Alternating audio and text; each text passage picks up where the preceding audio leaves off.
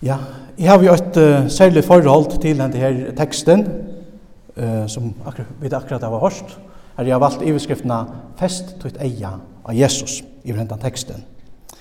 For uh, om løy, ja, 23 år enn så gjerne, var uh, nemlig en tur i Israel, som har vi en gavun ved mannen kommer. Vi tverra oss uh, vøye om og sylte om et anna vi bate og gneset vattnet.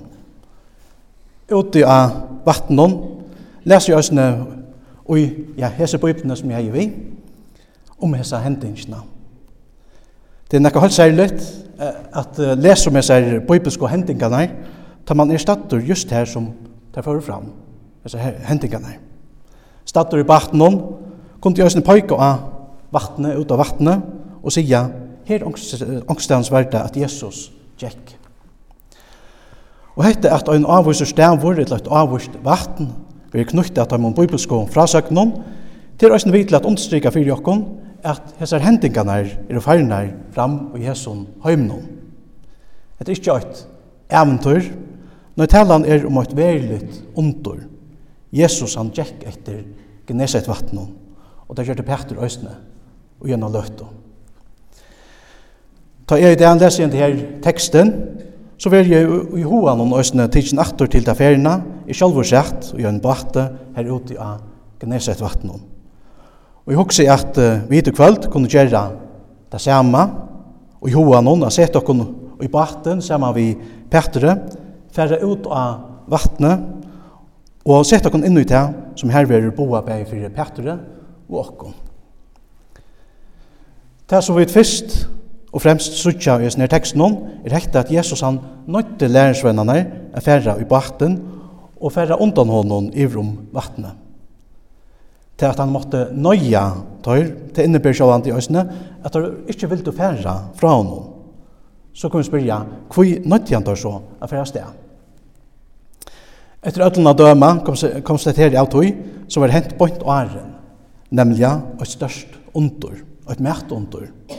Jesus er mekta, mekta 5.000 menn, omframt konur og bøten, vi fem breion og tvøymon fiskum. Og da falt så hetta her, så atla av dei at teka han vi valde, til tessa gjer han til kong, så som det stendt skriva tja Johannese. Jesus han visste at fæltje hei øyna Messias vevn, det vevna og at den komande Messias skulle være en sterkur politiskur løyere, som ville bjerga jødiska fæltjenon undan til romverska hersendikarvaldenon. Då ville de ösn han til til kong. Og til østene hoksande at lærersvennerne har vært hodtekner av just hese tankakongene. Og at Jesus måtte tog nøye tøyre færre sted undan honom i baten. Så er det at han kunne vise tøymon hver han velja vær. Og så er det at han kunne tilbya og gjøre han som tan kong og han velja er. Han hei nekka at læra tøy, nekka at vise tøymon. Vi er at genga etter vattnen Vurste Jesus nemlig Petre og lærersvennen at han hei goddomlian mått, og at han sier at herradømme ikkje er av hese ver.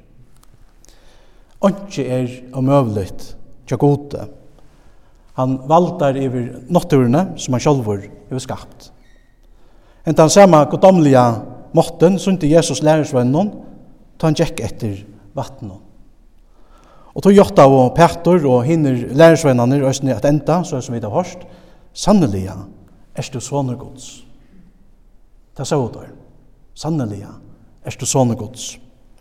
Og etter østene til som vi jotta, tar vi til dem sida troar jotta anna, Jeg vil sida vi trykva Jesus Krist, hos øynbarna sån var han herra. Og vi verlig trykva Jesus, så vi jotta, så vidt vi østene, at han kan hjelpe okkon Lukas som han òsne hjelte lærersvennen og innom søkkande Petre her ute av Gnesetvattnen. Jesus han er akkurat han samme i det som han var ta av døven. Han er akkurat han samme måtten i det som han heier ta. Og tog kom nå til og jeg òsne lyta fullt og fast da at han er vi okkon og i okkara løyve. Øsne ta, ta er trobult og ta større og alt den er av luftsens heve bråta nir i vrokken. Øysene ta kunne vi løyta av at han kommer til okken og sier heve godt rest, øktest ikkje, er vi tikkun. Og just hekte at Jesus er vi okken, hever avgjerande tøytning og i okkara løyve. Det vil alltid sija om man hever han og i løyve noen eller ikkje. Etla som det sender ennastane, ta som hever sonen, hever løyve, den som ikke hever Guds son, hever ikke løyve. Så einfalt er det, og så alvarsamt er det. Så om du enn ikke hever han i løyve noen, om du enn ikke hever seg hver Jesus velja er, gjør så noe som Petter, råpa av Jesus om hjelp. Gjør bønene til Petter til tunne egne bøn, og sier, Herre, er det to? Så bi meg komme til tunne et vattnet høyt av Herren. Og til hesa hjertasbøn finnes bare åkt svær fra Jesus. Og til det samme svære som han også gav Petre, der ferien er ute i Gneset vattnet. Han sier, kom. Og da han sier så kom, vi til og med, da er det hette øyne på, så vi kunne lytte fullt og fast av. Lykke som Petre også løyte fullt og fast av etter øyne året av Jesu munne, ta han støy ut ur baten kosta kvarta, kosta vil. Vi kunne lyta av Jesu innbjøving til okkon, da han sier kom. Og vi hans innbjøving kunne vi østene støy ut av hans lyfter. Jesus sier, kom i hier til møyen all tid som arbeida, og gengum til tungum byrån, og evig veit veita ikkon kvilo. Hette er ein kvilt og trøst, så vi kunne øya mitt av lufsens ofta stormherra heve. Etter oss ta samme evige kvulten, så vi tar sunnkjom. Jeg vil sunko, lett akkir fadla, i nått i haun, farvel til å utrykka bildja. Jeg letjer meg i hans kærlagsfaun, som tryggver mer vil fylgja. Har kjenta rødder med blodja kattla, nu stilt mot akkir man nye fadla, og i trygg og sælo kvildar haun. Hesa kvilo bægje og løyve og deia, farst du som ogn, da du er løyve med Jesu kallande rødt til tøyen. Som sier vi det, kom, fylg med her. Da sier Jesus også nu til og med. Kom, fylg med her. Nekka som vi øyne sutja i sånne tekst noen som jeg har er at Jesus hei tørv å være fyrir seg sjolvan. Jesus hei mekta til 5.000, og nå vil du, vil du falka oss gjerne til kong. Men i ötlun råkanon har han bruk for at trekja seg til sujes og vera fyrir seg sjálvan og i bøn til god. Om sjálfur sonne gods hei tørva hesson. Hvordan ek meira hava to og er ikkje tørva hesson. At vera saman vi Jesu, saman vi gode og i bøn. Okra fer iver lufses hav kan jo vera rokkali, baldrott. Det hender atlatøyna okkurst.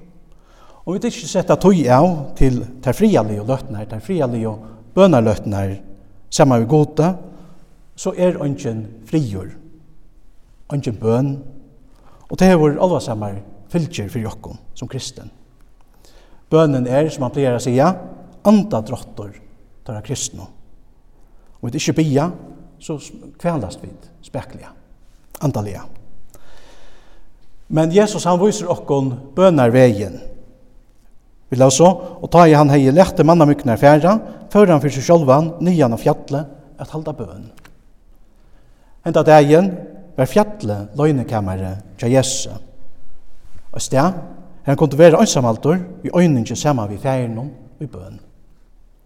Og etter øysen til, som Jesus sjolver hei lært lærersvøgnene er gjerra.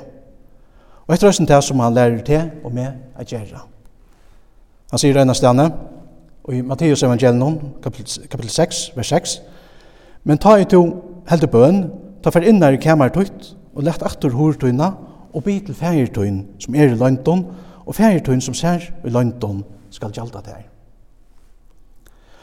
Om Jesus sier bruk for at trekja seg til suyes for at vera øysamaltor, og stittler saman med gode og i bøn, så hava to og er sannlig av sin bruk for det. Så etter en anmenning til okkon om at halda fast vi bønna. Og det er også en stor uh, lyfter knytt at just det som.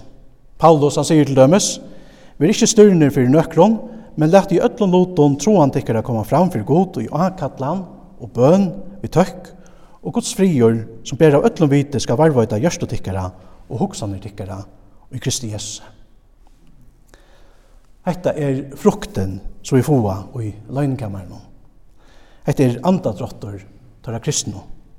Hette det som to og jeg har bruk for det, for at liva som kristen. Så lett jeg kom til å gjøre, så, som Paulus sier i ene stedet, blir det avhaldende og i bønene. Avhaldende. Vi har en kjent og sanje, så vi tar også for å synge om en av løtto. Her synge vi, fest ditt eia av Jesus, så mildur han bjør til fri, og ta myskre fjallir til vei og mal, Jesus sjolvor til gonger vi liv. Hetta er eisini nakka som vi kunne læra i hessin her teksten om, nemlig at, ja, at Jesus gonger vi okra li, han er alltid nær, han kan alltid hjelpa okkom. Eisini ta stormren leikar herrast, og öll vevn tidsist av være ute. Og vi lærer eisne hvem avgjerande tøytning til hevur bei fyrir te og meg, alltid at hava okkar eio vend mot Jesus, at hava Kristus vend eio, kan vi sige. Vi tar lyse at batteren var ytla staddor av altnån og gneset vattnån. Og tanken om en av vattagrøv hever neivan veri fjerde fra nøkron av lærersvønnen. Men mitt ut høyra nei, medan altnar kasta og batten atter og fram, kom Jesus genkande tiltøyra etter vattnån. Rastla kom sjalvan til ator, til ator heldur at dette var spøkelse, som vi tar hørt.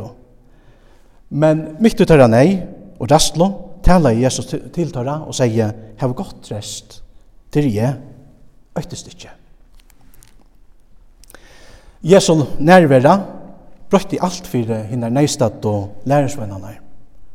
Da tar festet til eio av Jesus og hørte hans herra kallande rødt, var der fylte vi vevn og dyrve mitt i snir illvekkerne. Og etter høysen tar samme vevnen og ta samme dyrve som Jesus bjauer til her og mer og snu det.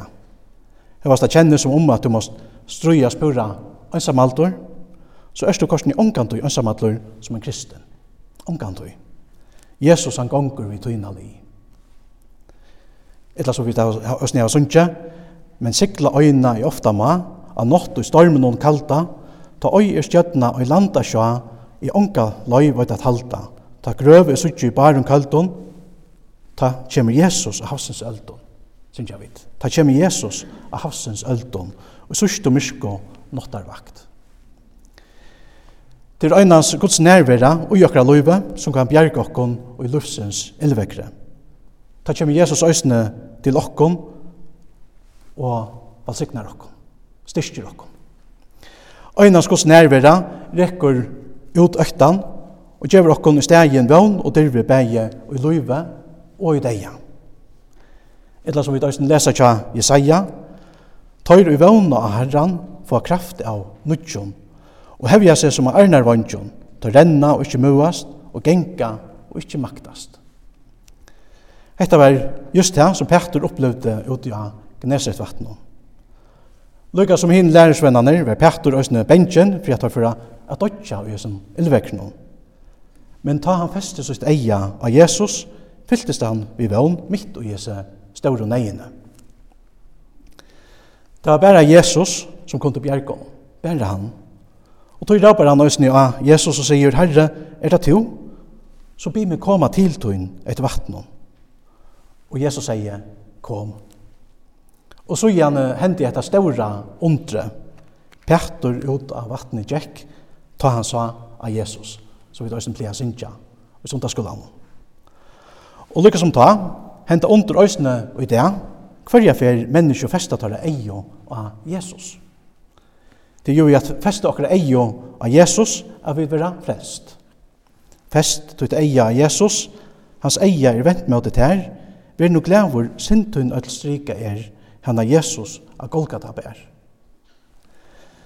Etter lykka som vi koppar armnon og i øymørsene, og Israels folk var å deia sjuk vegna øyter armanar som bitur teg men god gjør dem en frelsevei.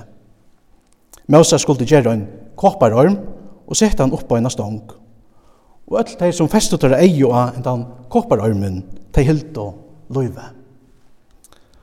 Så er det også vi Jesus Etter Etla som Jesus selv sier vi Nikodemus, for sier han. Og en som Moses hevja i opp armen i øyemørsene, så er det øyne menneskesåneren at være opphevja over. Til tess at øyne hver som tror han, til øyne hver som tror, skal leve evigt liv i hånden. Så vi vil være frelst vi har tidsjo på Jesus. Vi vil være frelst vi har rett okra tøvmo og måttleis og hentur ut til hans herra og i okra sindanei og bøn om hjelp. Og ta til lukka som innsakkande Petor råpar herre bjerga mer. Ta kan stå i sin løyta fullt og fasta at Jesus han rattur til her sinna frelsandi hånd. Vi kan lyta av Jesus. Frelser han. Høyt så av meg, og nei er jeg, skal bjerga til her, og du skal lova meg, sier Salmaskalt til Østene.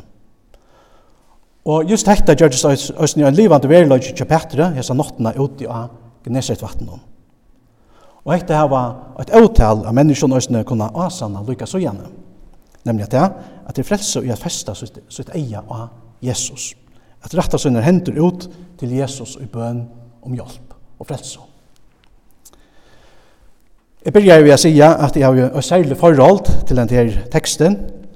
Kanskje kommer det av tørre grunn at jeg i min egna løyve ofte har kjent meg som en, en der fatrona og søkkande mannen, Peter. Og det kan være at to østene har haft det såløys, eller kanskje hevet det såløys, og ikke noe. Jesus han er korsene akkurat han samme og i det som han vært han. Om to lukka som Petter retter tunna hånd ut til Jesus og ber han bjerga der, da kan så òsne lytte av at Jesus vil ratta der sunna frelsan til ånd. Og lukka som tja Petter vil dette føre til lov, lovsang uten løyve.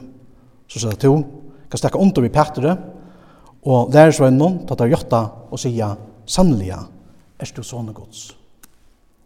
Fest ut eia Jesus, hikk inn i hans anlit så karst, og et heimsins glede ta fanar bort, og til nøye og dord, og til sørst. Hette det som Petter gjør det, og etter det det som Petter forsømte å gjøre, ta festet i eia og at her ståre og alten er ute av vattnet. Og etter det som vi så lattelig å gjøre, ta vi missa Jesus ur eksjon, og festet okra ei og at her ståre og aldene er av luftsens stormherra hevet. Men så langt Petur hei sin eie og fest av Jesus, så gikk han etter vattnet. Og så er det øyne vi tar og her.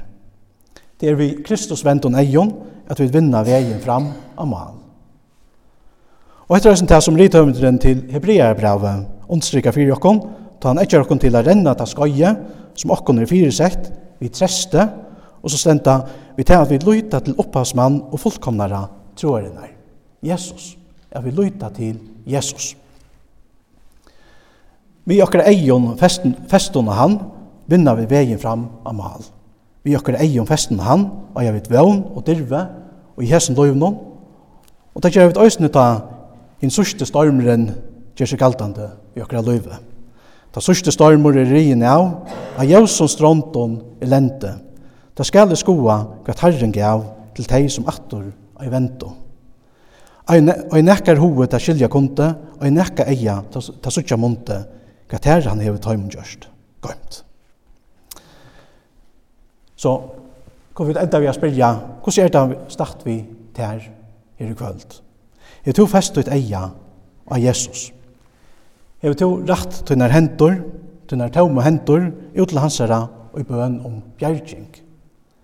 Er tog veri jo enn er slukare sinda at du har røpt Herre, bjerga mer, bjerga mer.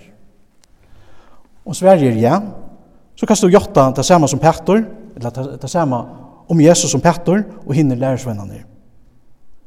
Ta du sier av hjertet, sannelig er du sånne gods. Ta kan du kvile i gods kærlagshavne, og gledes over at och trykka og sæla kviltarhavnen er fyrir framman. Tja det.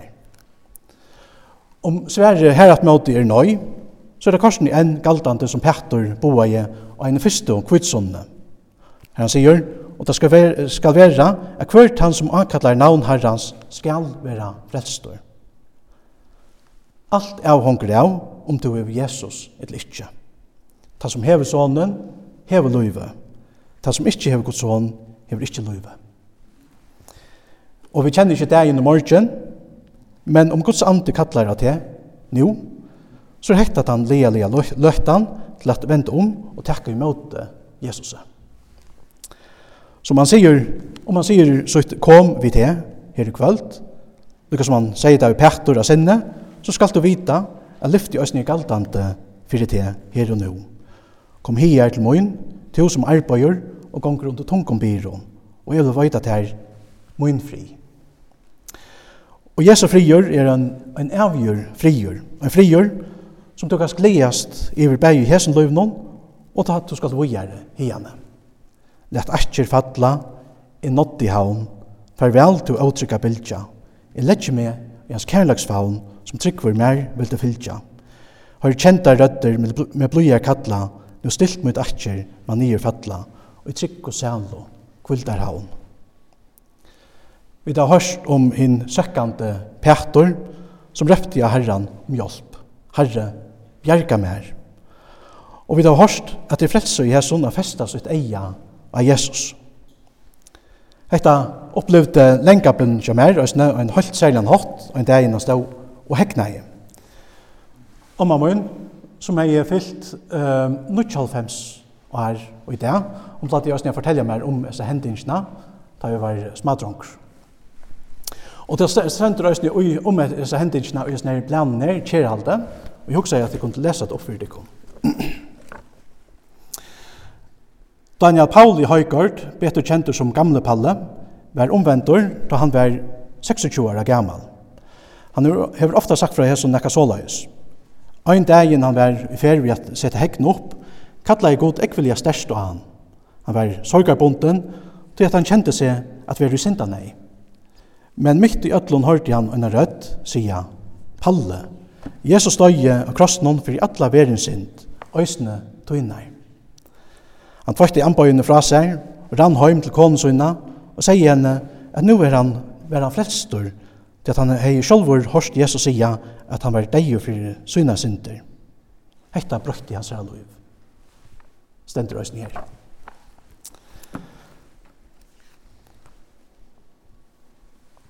Ta brøyter loiv, at festa sitt eia av Jesus og at høyta av han om hjelp. Det gjør det for Petter og sinne, det gjør det for Lengkappa, og det gjør det øsne for te og med her i dag. Lyften er enn galdande her og nå, hvert han som ankallar navn herrans skal være frelstor.